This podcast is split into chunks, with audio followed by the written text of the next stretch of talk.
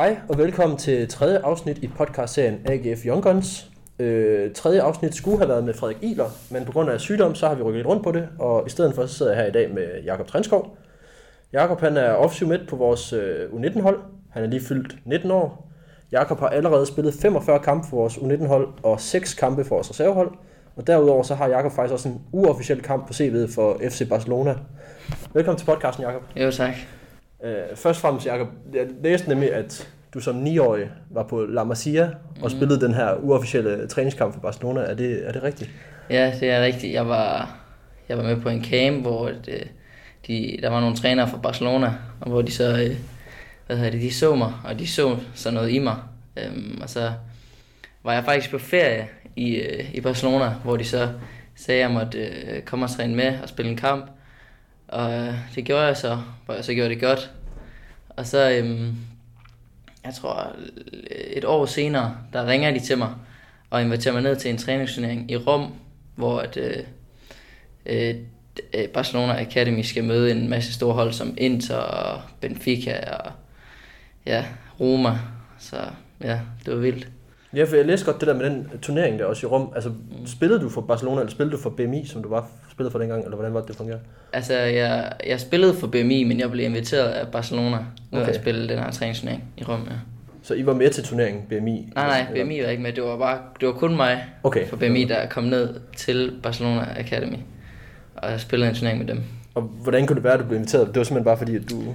Jamen, altså, der, jeg havde været med på nogle camps, hvor at, øh, der var de her træner fra Katalonien, hvor de havde set mig, og øh, så et potentiale i mig, og ja, så inviterede de mig bare ned.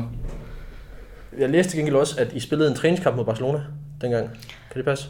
Ja, det var så i en øh, turnering med BMI, hvor at, øh, med, til sådan noget, der hedder Football Festival. Sådan, øh, øh, ja, BMI, vi mødte, øh, der var så et hold fra Barcelona med, eller det, Barcelona var med. Øh, og ja, der, jeg tror, vi vandt 4-0, tror jeg. Så ja, det var meget stærkt af vores hold derude, BMI. Det må man sige. Ja. Var det et godt hold, du spillede på dengang? Ja, jeg tror, det er det bedste hold, BMI nogensinde har haft. Jeg, vi havde virkelig et godt hold, og der er også øh, spillet på hold med Christian Thue, der lige nu spiller i øh, Midtjylland, og udlejet til Brentford, mener øh, Så ja, vi havde et rigtig stærkt hold dengang. Hvordan, hvordan påvirkede, altså sådan, både det, at du var nede og træne i Barcelona, men også de her turneringer, hvor du spillede mod dem, hvordan har det påvirket interessen omkring dig i allerede så unge alder? Uh, der, der var selvfølgelig, der blev skrevet øhm, hvad hedder det, artikler om mig, og jeg blev også, øh, Vejle kontaktede mig, AGF kontaktede mig så også lidt senere. Så der var også selvfølgelig mange, der så det her. Og et lille, en lille dreng fra, hvad hedder det, Malling skulle spille sådan en stor turnering, det var, det var der mange, der så.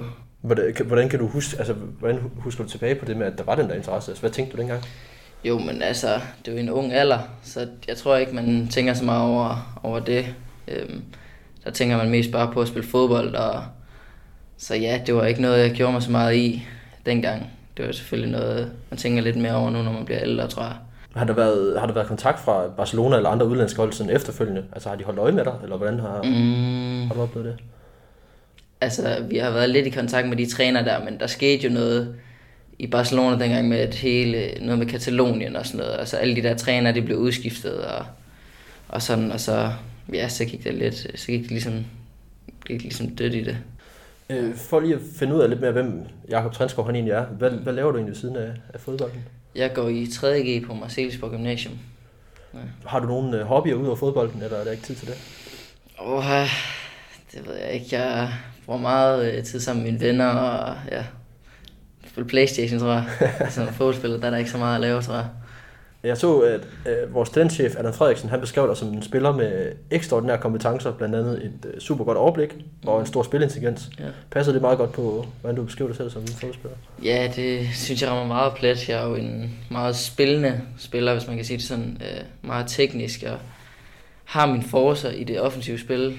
Men er faktisk her i løbet af mit anden års 19 tid blevet sat ned på sekseren for at ligesom sætte spillet og ligesom skabe og spille dernede fra. Så ja, det synes jeg rammer meget godt. Okay. Er der ellers noget, du synes, folk de bør, bør vide om dig? Uh, ja, det ved jeg ikke. Nej, det tror jeg ikke. okay. Øh, hvis vi så tager det hele fra begyndelsen, så som vi nævnte tidligere, så starter du med at spille i det, der hedder BMI, som Ja. er Bedre Malling Idrætsforening, ja. ja. øh, og som ligger til syd for Aarhus. Mm. Kan du huske, hvorfor du startede med at spille fodbold dengang? Ja, altså, jeg har jo en storebror og min far, der går rigtig meget op i fodbold. Min far spiller fodbold, og min storebror spiller fodbold. Altså, tror jeg ligesom, jeg hoppede med på den vogn og spillede i haven. Og så startede min storebror til fodbold, og så synes jeg, det er så fedt ud, så ville jeg også med. Og så har jeg faktisk spillet med min storebror i, i nogle år i, ude i Malling, om overgang over. Så jeg tror, det var derfor, på grund af min øh, familie. Hvor meget følger, følger familien med den dag i dag på fodbold? Jeg synes, de følger alle sammen rigtig meget med. De, de kører med på udebaneture og ser alle hjemmekampe, så det er rigtig dejligt, synes jeg. Øh, du er kun 11 år gammel, da du så skifter til AGF. Mm. Øh, hvordan var det egentlig at skifte klub i så ung alder?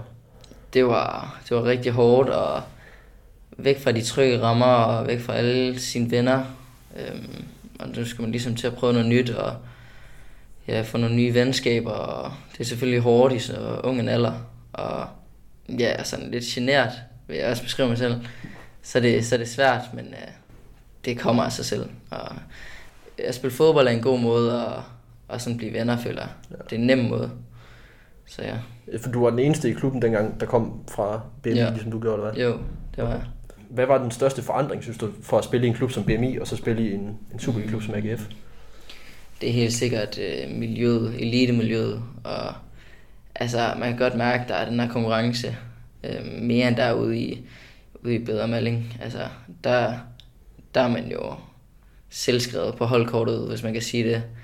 Øhm, og så komme ind til AGF, hvor der er den her konkurrence, og ja, det er jo bare med til at, til at udvikle en. Øhm, både som menneske og som fodboldspiller. Så ja, jeg synes, øh, miljøet, hvad vil, vil jeg sige, ja. Kan du huske, hvordan øh, kontakten til AGF egentlig opstod? Altså, hvorfor, hvordan ender man inde i AGF? Mm, altså, jeg tror, at øh, det hold, vi havde i Bedre og Malling, det var, det var ret godt. Og de vidste, at vi havde nogle gode spillere derude. Så jeg spillede egentlig bare, jeg tror det var mesterrække dengang, og så kom AGF, kom nogle AGF-træner ud og kiggede, og så ja, kontaktede de så min far, og så ja, tror bare, de kontaktede min far, så Du nævnte også, at Vejle var nogle, af- altså var der mange, altså, der står i kø for at hente en spiller dengang, eller hvordan fungerer det egentlig? Øhm, altså Vejle, de var tidligt ude, de var, de havde lavet noget video på mig, og sådan prøvet at overtale mig til at komme til Vejle og skifte. Øhm, men det var, synes jeg, var ret langt væk i så tidlig en alder. Og så da AGF øh, kontaktede mig, så synes jeg egentlig, det lå lige til højre benet. Betød det noget specielt for dig, at det lige netop var AGF, altså en fodboldklub, eller var det bare et spørgsmål om, at det var den Superliga-klub, der lige lå tættest på? Mm, altså selvfølgelig, når man er fra Aarhus, så ved alle, hvem AGF er, og man ved jo, det er den største klub. Og det er jo der, hvor alle unge fodboldspillere gerne vil spille i den største og bedste klub. Så, så ja, jeg synes egentlig, det var meget nemt. Hvad sagde kammeraterne hjemme i, i BMI egentlig til, at man skifter til, øh, til AGF? Mm, altså, jeg tror ikke, de var så glade for det dengang, men, øh, men selvfølgelig er man forstående. Det var også noget, de gerne ville, hvis øh, det var. Øhm, men ja, altså, selvfølgelig er man lidt træt af det, men øh, det forstår man også godt. Du jo så som 15-årig under på din første ungdomskontrakt. Ja. Hvad betød det egentlig at få sådan en? Og det er ligesom det første, man arbejder hen imod, kan man sige. Eller, det var selvfølgelig rigtig stort. Der var ikke, det var ikke alle, der lige får sådan en kontrakt, så det viste bare, at øh, AGF de troede på mig, og de så noget i mig. Så ja, det var egentlig bare et klap på skulderen, og et, øh, signal om, at bare skulle blive ved med at klø på. Ændrede hverdagen sig, når man fik det, eller var det bare... Nej, det synes jeg overhovedet ikke. Jeg synes bare, det er fortsat i, som før. Kunne man mærke andre forventninger? Altså, Ja, ja, selvfølgelig, når man får penge for at spille fodbold, så har klubben selvfølgelig en højere forventninger, og ja, man har et større ansvar. Øh, så ja, det, man havde meget, man havde lidt mere pres på sine skuldre, men det, det, er jo, det er jo bare sådan, det skal være, når man får en kontrakt.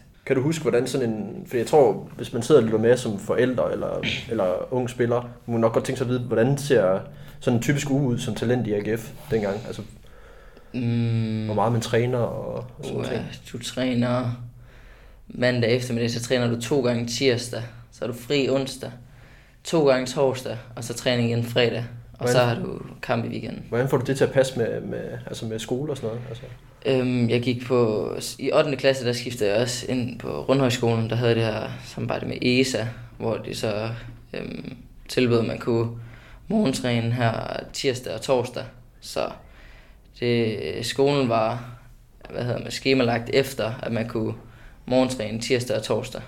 Og så, ja, så er man måske lidt senere fri, men man mødtes så senere både der tirsdag og torsdag hvad, alt det her, det sker, altså, da alt det her sker, hvor du får en ungdomskontrakt, og bliver hævet, altså, der bliver du allerede der hævet op på U17-holdet faktisk. Mm. Øh, hvordan husker du det skifte fra U15 til U17? Øh, det var et hårdt skifte. Det, U17 det er en del mere tempofyldt end, øh, end U15, og der er mere fysik, og sådan en lille teknisk spiller som mig, så er det måske ikke lige det fedeste. Så det var en øh, stor udfordring for mig, synes jeg. Hvad, hvad gjorde du ved det? Altså, Øhm, kunne man gøre noget specielt for ligesom at, at tilpasse sig det? Det var bare arbejde og arbejde i styrkelokalet og ja, selvtræning, og så, så skulle det nok komme. Året efter du rykker op, altså så er vi fremme i 16-17 sæsonen, Mm. der vinder I U17 igen. Ja. Hvordan, hvordan var det? Det var, det var helt vildt. Det var, det var virkelig en vild sæson, hvor der var, der var rigtig mange fans ude at kigge, og der hæppede på os, og ja, jeg synes virkelig, det var, det var vildt, og det var virkelig fedt. Hvad betød den der opbakning at prøve det så, så tidligt? Jo, men altså, det er jo surrealistisk i sådan en alder. Øhm, Man, det er noget, man kun ser på sådan de stadions, og, sådan, og så da de kom ud på Fredensvang, og der stod en, ja, hvad blev det, tu, tusind mennesker, tror jeg næsten, der, der stod og hæppede på os. Det, var, det gav bare en endnu mere blod på tanden, og ja, man ville, man ville vinde for enhver pris. Hvordan, hvordan i forhold til dig, altså, hvordan var det med spilletid i den sæson for dig? Mm, altså, det første halvår, der var jeg fastmand og scorede også en del mål, husker jeg. Men så blev jeg ramt af en, øh, en hofteskade, tror jeg, der holdt mig ude i næsten et halvt år. Så ja, det var et lidt blandet år, men ja, vi vandt, så det var det sluttede godt. Hvordan, hvordan håndterer man det med at skal være væk fra fodbold, når man får sådan en skade? Altså, Ja, det, det er rigtig hårdt. Øhm, og sådan, især i sådan en sæson, hvor det, det virkelig kører, og så vil man gerne ind på banen og, og, og spille. Så altså, det er svært at håndtere, men altså, det handler bare om at ja, være stærk mentalt, og ja, bare klø på, og bare tænke, at ens tid nok skal komme igen. Og, ja. jeg så, nu kiggede jeg lige ned over holdkortet, I havde dengang. Mm. Og det er spillere som Daniel Gadegaard, Sebastian Hausner, Magnus Anbo, Daniel Thøresen, Magnus Kostrup, Benjamin Witt. Altså mange spillere, som har været op omkring førsteholdet. ja. Hvordan husker du det hold? Altså, Ja, det var, det var virkelig, virkelig et stærkt hold med, med mange forskellige typer, der ligesom, ja, altså vi klædte hinanden godt, øh, vil jeg sige. Øhm, ja, virkelig et stærkt hold. Du kan også bare se, at der er flere af dem, der begynder at spille mere og mere. Øh, så ja, det var virkelig en stærk overgang, synes jeg. Er de her drenge, er det nogen, du lader dig inspirere af i forhold til den udvikling, de har haft, og så din egen? Mm, altså, nu er det lidt svært. Altså, altså, nu er jeg jo gode venner med dem alle sammen, og det, altså, selvfølgelig, jeg ved ikke, om de inspirerer en, men de altså, baner ligesom vejen, kan man sige. Altså, de viser, viser vejen, og det er jo, det skal man jo kigge på, og hvad har de gjort, og for, ja, altså, selvfølgelig de, ja. Men det er ikke sådan, at du sådan kan finde på at spørge dem, hey, hvad tænker du, jeg skal gøre i forhold til sådan nogle ting her, for ligesom at nå længere? Eller? Mm, nej, det, nej, sådan spørger jeg dem ikke, men nej. Okay. Jeg læste også, at i samme sæson, der deltager du i noget, der hedder U16 Future Landsholdsturnering. Mm. Kan du forklare lidt om, hvad det er, og altså, hvordan det fungerede? Ja, altså, det her future landshold, det er for øh, spillere, der måske ikke lige har fysikken med sig, men har nogle kvaliteter, mest det tekniske, øh, der er på internationalt niveau. Øhm, og det giver ligesom dem, eller det gav ligesom også muligheden for at komme ind omkring og lige snuse til det her det med landsholdet og sådan. Øhm, for måske lidt mindre spillere. Så ja, Hvordan fungerer sådan en udtalelse? Er der bare nogen fra DBU, der kontakter dig? Eller? Øhm, det er nogle trænere fra, fra DBU, der er ude at se nogle kampe, og kan de ligesom se, hvis man har noget potentiale, så udtager de en til nogle samlinger, hvor man så, ja, jeg tror, der var 3-4 samlinger, inden det endelige hold blev, blev udtaget til en turnering i, Sverige, mener jeg. Øh, hvordan var det at være inde omkring et landshold? For jeg tror, det er det, alle et eller andet sted drømmer om. Ja, det er selvfølgelig en hver drengs drøm. Øhm, så det var selvfølgelig virkelig vildt. Selvom det ikke var det rigtige landshold, hvis man kan sige det, så synes jeg stadig, det var, det var stort. Og, ja, Hvor mange kampe blev det til? Dig det blev til tre kampe. Okay. Tre kampe. Øh, sæsonen efter, så er vi fremme i 17-18 sæsonen. Mm, Der rykker du som 17-årig sammen med Havsen og alle de andre op på 19-holdet. ja. Hvordan var det skifte så, hvis det var hårdt allerede fra 15 til 17? Øh, det vil jeg sige, det var et, lige før, det var et endnu større skifte end fra 15 til 17. Men jeg synes, øh, synes, jeg kom meget godt ind i det, og der havde jeg Mike Tulberg, Okay. øhm, og han var god til at ligesom presse mig, og han gjorde meget for mig, synes jeg, ligesom, jeg begyndte at spille mere og mere, og sådan, ja. Så ja, det var et stort skifte, men jeg vendte mig hurtigt til det, synes jeg. Hvordan, øh, ja, fordi du sagde det også selv lidt før, og jeg har også læst, at du har udtalt det før, men det der med, at du ved godt, at en af de steder, du skal forbedre dig, det er sådan noget som fysikken. Ja, Hvordan, hvad gør du så der, da du kommer op som U19? Altså, lærer man bare at bruge kroppen bedre som lille, eller hvordan tilpasser man sig? At, Jo, men altså som lille, så skal man måske være lidt mere klog. Øhm, der lærer man selvfølgelig nogle tricks, øhm, der kan hjælpe en i de situationer, med, hvor man er presset på fysikken. Ligesom at ligesom gå ind på hoften, eller et eller andet lige et lille skub på hoften. Øhm, så ja, det, det var bare, jeg lærte nogle små tricks, ellers var det bare at arbejde videre i, i styrketræning, og der er ligesom ikke andet at gøre øh, samme år, der debuterer du også på øh, reserveholdet, læste jeg, mod øh, FC Midtjyllands reserver. Mm. Hvordan var det så at komme op og spille helt op på reserveholdet også? Uh, det var... Dengang, det synes jeg virkelig, det var, det var virkelig stort at komme med der og sådan, ligesom se, hvor professionelt det egentlig var. Og sådan kørte i AGF-bussen øh, og til Midtjylland, og der var flere Superliga-spillere med, og ja, det, det var, tempoet var virkelig højt, så kom også ind der, og jeg synes virkelig, det gik stærkt. Øhm, men ja, det var bare, det var bare fedt, at det gik en blod på tanden. Mærker man tydelig forskel på at spille med reserveholdet frem for U19? Øhm, som første års U19, der synes jeg, man gør. Men, øh, men anden og tredje år, så synes jeg ikke, at det, der er lige så stor forskel. Der er du ligesom vendt dig til tempoet og sådan, ja. Jeg kunne godt tænke mig at vide, fordi øh, en ting, jeg er sådan lidt nysgerrig på, det er, hvordan er kontakten egentlig mellem dig som nyoprykket U19-spiller og så førsteholdet? Altså, hvor meget har man egentlig med, med staben og førsteholdet sådan at gøre? Mm, altså det, det foregår mest igennem, kommunikationen foregår mest igennem ens øh, træner, øh, som så fortager, der snakker med dem ovenover en og, og ligesom kommer med beskeder til mig om det, så man har ikke sådan vildt meget sådan kontakt til dem, men, men når man er med til kampe, så er de der selvfølgelig for en og siger, hvad man skal gøre og så videre. Ja, fordi altså, jeg tænker, selvfølgelig holder de øje med dig, mm. men det var mere sådan, altså rådgiver de dig også, eller er det kun op til træneren på U19 ligesom at, at hjælpe dig i din udvikling? Altså, hvis de lige er der, og så ser et eller andet i en kamp, så kan det godt være, at de lige giver et råd eller to, men øh, ellers så vil jeg sige, der er det mest øh, fatar for mit vedkommende i hvert fald. Hvordan ændrer det sig så også, når, altså, når du så kommer op på reserveholdet, så må du alt andet lige have lidt med nogen at gøre. Mm. Altså ændrede kontakten sig en lille smule så, da man så kom ligesom derop til, eller var det bare det samme, når du var med der? Mm, altså i forhold til staben der, Ja, altså, altså fordi når du er med reserveholdet, så er det vel, som for eksempel nu, så er det assistenttræner Ruben Ruben, Thees, der tager sig af det. Må han så godt gå ind og sige, jeg synes, du skal gøre sådan og sådan, eller... Nå, ja, vi, ja, det er selvfølgelig Ruben, når man kommer med reserveholdet. Der er det selvfølgelig ham, der giver en desinger og så videre. Øh, ja, der er, det, der er det ham, der står for det, og ham, der siger, hvad man skal gøre. Der er det ikke, øh, ja, der er det ikke fatar eller nogen. Men er det en mand, du kunne finde på at, sådan, at, at, at bruge til ligesom at sådan udvikle dig for? Han må jo vide, hvad det sådan kræver især at være på førsteholdet. Mm, jeg tror, hvis jeg skulle gå ind og banke på en større internt kontor, så tror jeg, jeg ville gå ind til Fatah. Men øh, hvis jeg er med til en træning, så kunne jeg godt finde på at lige spørge om et eller andet, eller sige, hvor han, han kunne se, at jeg kunne forbedre mig på nogle punkter videre. Øhm, en anden ting, jeg kunne tænke vide, det er sådan, når du så var første års 19, Mm. altså forholdsvis ung, du er stadig kun 17 år gammel, Ja. du får lov til at spille for reserveholdet. Hvordan mærker man egentlig øh, interessen omkring dig? Altså er der scouts ude og holde øje med sådan en spiller som dig der, eller hvordan fungerer det? Mm, altså, det er ikke noget, man mærker, sådan, men man, man ved jo, som sådan, at, at der er selvfølgelig scouts ude at kigge, og der er det jo vigtigt, at man kan gøre en øh, god figur, men det er ikke sådan, man får at vide, okay, nu er der en klub ude at se på dig, eller nu, og så videre. Det er ikke, øh, det er ikke noget, man Det er ikke sådan, det fungerer. Nej. Okay.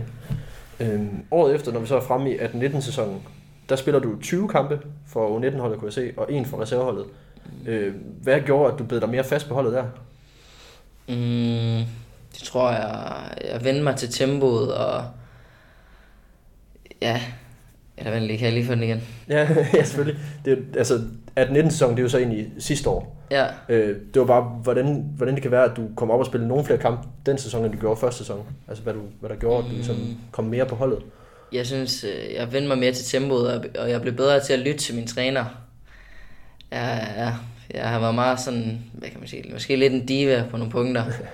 Og sådan en offensiv spiller, der ikke er lige så god defensivt. Og ja, jeg tror bare, det, det gik op for mig, hvor vigtigt øh, det var også at kunne arbejde i den anden retning. Øh, og det var faktisk har været en stor del af, at han øh, ligesom har lært mig det. Og jeg viser, at fodbold det er i to retninger, ikke kun én retning. Ja, for du sagde også selv, at du, du faktisk blev omskolet til at blive sekser. Jeg så, at i løbet af den her sæson, der spiller du defensiv midt, central midt, offensiv midt, venstre kant, højre kant og angriber, altså i løbet af 18 sæsonen. Ja. Øh, hvad er egentlig din foretrukne position af dem?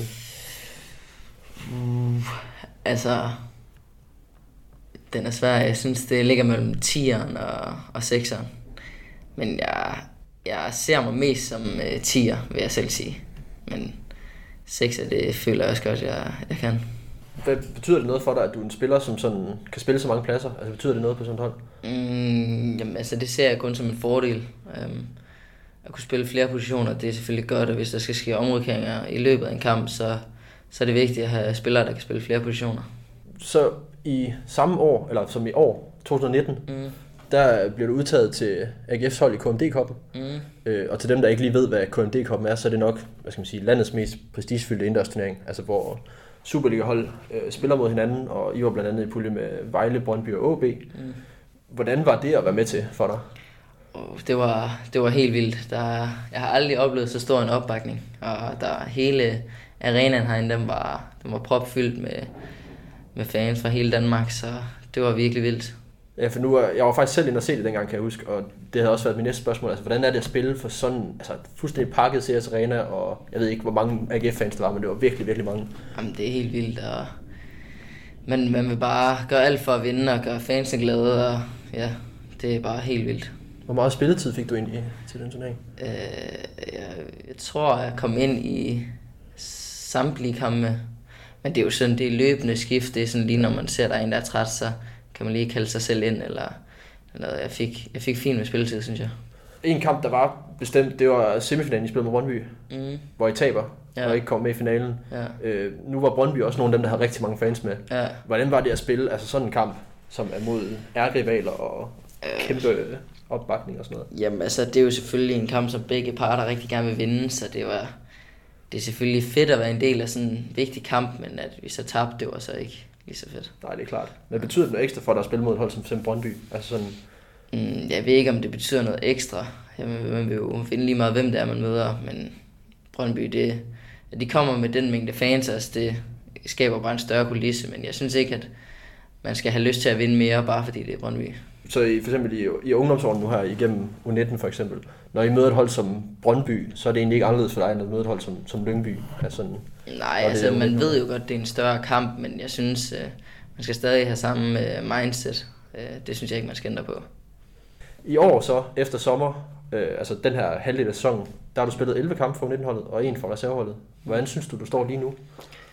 Lige nu, der synes jeg, jeg står fint. Jeg synes, jeg har spillet en rigtig god halvsæson og har været en af de bærende kræfter. Så jeg synes, lige nu synes jeg, at jeg, jeg står, fint, står fint til. Hvor meget betyder det nu, altså nu er du godt nok gået lidt ned på sekseren, men ellers som offensiv spiller, det med at lave assist og mål, er det noget, du måler dig selv meget på? Mm, altså, som du selv siger, så afhænger det lidt af, hvilken position jeg, jeg spiller. Hvis jeg spiller fremme, så synes jeg, så er det det, jeg vil måle mig selv på, mål og assist. Men øh, som sekser, der er, det, der er lidt nogle andre, hvad kan man sige, ja, andre ting, du bliver bedømt ud fra, kan man sige. Hvad, hvad er ambitionen for foråret for dig? Uha, det er at udvikle mig så meget som muligt, og så må vi se, hvad der sker. Okay. Hvad, hvad med fremadrettet? Har du nogle øh, ambitioner der? Altså hvad, hvad er målsætningen? Altså, mit, øh, mit helt store mål er selvfølgelig at komme, komme til udlandet og, og leve af det. Det tror jeg alle fodboldspillere drømmer om. Øh, jeg kunne godt tænke mig at høre, hvis du skulle give et godt råd til, til unge fodboldspillere derude, i forhold til at komme der til, hvor du er nu, hvad skulle det så være? Mm, så er det nok at tro på sig selv. Jeg tror, i løbet af sådan, sådan en år, så vil, man, vil alle opleve, øh, hvad hedder det, down-perioder. Og hvis man ikke tror på sig selv, så hvorfor skulle træneren så tro på dig? Og ja, også i de svære perioder, hvor man er skadet, så er det vigtigt, at man ikke mister modet. Der er det vigtigt at bare, ja, hvis man virkelig vil det, så skal man være klar på, at, øh, at øh, alle oplever modgang, og hvis du bare tror på dig selv, så, så skal det nok komme. Hvem har du egentlig brugt mest i de perioder, hvor det har været sværest? Er det bare familie og venner, eller hvordan Mm, har du håndteret det? jeg tror jeg, det har været øh, familie, venner og agent, tror jeg. Okay. Hvor, hvor lang tid har du haft agent på? Jeg har haft agent, siden jeg var, hvad blev det, anden år 17, tror jeg. Okay. Så, ja. Jakob, jeg var inde og tjekke dine uh, stats i det nye Football Kender Mhm. du uh, spillet? Ja, jeg kender godt spillet. Ja. Øhm, og de spår dig til at have et potentiale, der svarer til at blive lige så god som en spiller som Jakob Ankersen. Synes du, det er realistisk? Ja, det håber jeg da. Det, det håber jeg da er realistisk, men man håber da også, at man kan komme endnu længere end, end AGF og komme til udlandet. Det er jo selvfølgelig det, man drømmer om, men ja, Er han en spiller, du finder inspiration i, eller hvem, hvilke spillere kigger du egentlig op til? uh, spiller jeg ser op til. Mm, altså, det, man ser selvfølgelig op til de helt store navne, som Messi og sådan, men ja, jeg ved ikke, om, om der er lige en bestemt person, jeg, jeg ser inspiration fra, men nej, det ved jeg sgu ikke. Jeg læste også derinde i, eller så ind i Football Manager, at den spidskompetence, de mener, eller den evne, du er bedst til, det er teknikken. Vil Ja. du sige det er rigtigt, eller hvor synes du, du er stærkest? Ja, der synes jeg, de rammer, rammer plet. Den rammer plet. Det er de tekniske forser. Jeg har spurgt de andre drenge om, hvad, altså, hvad deres drømmedestination er, og, og håb er for fremtiden. Hvad går du og drømmer om? Min drøm det er selvfølgelig at inde i, i Barcelona og så spille der. Og det hænger også meget godt sammen med den type fodboldspiller, jeg er et hold, der er gode på bolden og spiller fodbold. Så jeg, jeg synes, Barcelona er et oplagt, oplagt mål. Til allersidst, Jakob, så faldt jeg over noget, jeg er nødt til at spørge dig om. Og det er, at jeg læste, at de kælenavn er store. ja, det var, hvad hedder det, det var min gamle træner fra u 17, da vi vandt det år. Det var Morten Mølkær derude i Aarhus Fremad nu. Det var ham, der opfandt store. Det, var, Hvad kom det af? det kom af, at jeg var den mindste, tror jeg. okay. Øhm, jamen, det var sådan set det, jeg havde, Jakob. Har du noget andet, du, du ønsker at, at sige? Ikke lige umiddelbart. Nej, jamen så uh, tusind tak for din tid. Og selvfølgelig. alt muligt held og lykke til dig fremover. Jo, og så skal jeg sige kæmpe tak til de lyttere, der har været med. Og jeg håber, de gider lidt med i næste og sidste afsnit, når jeg snakker med, med Frederik Iler.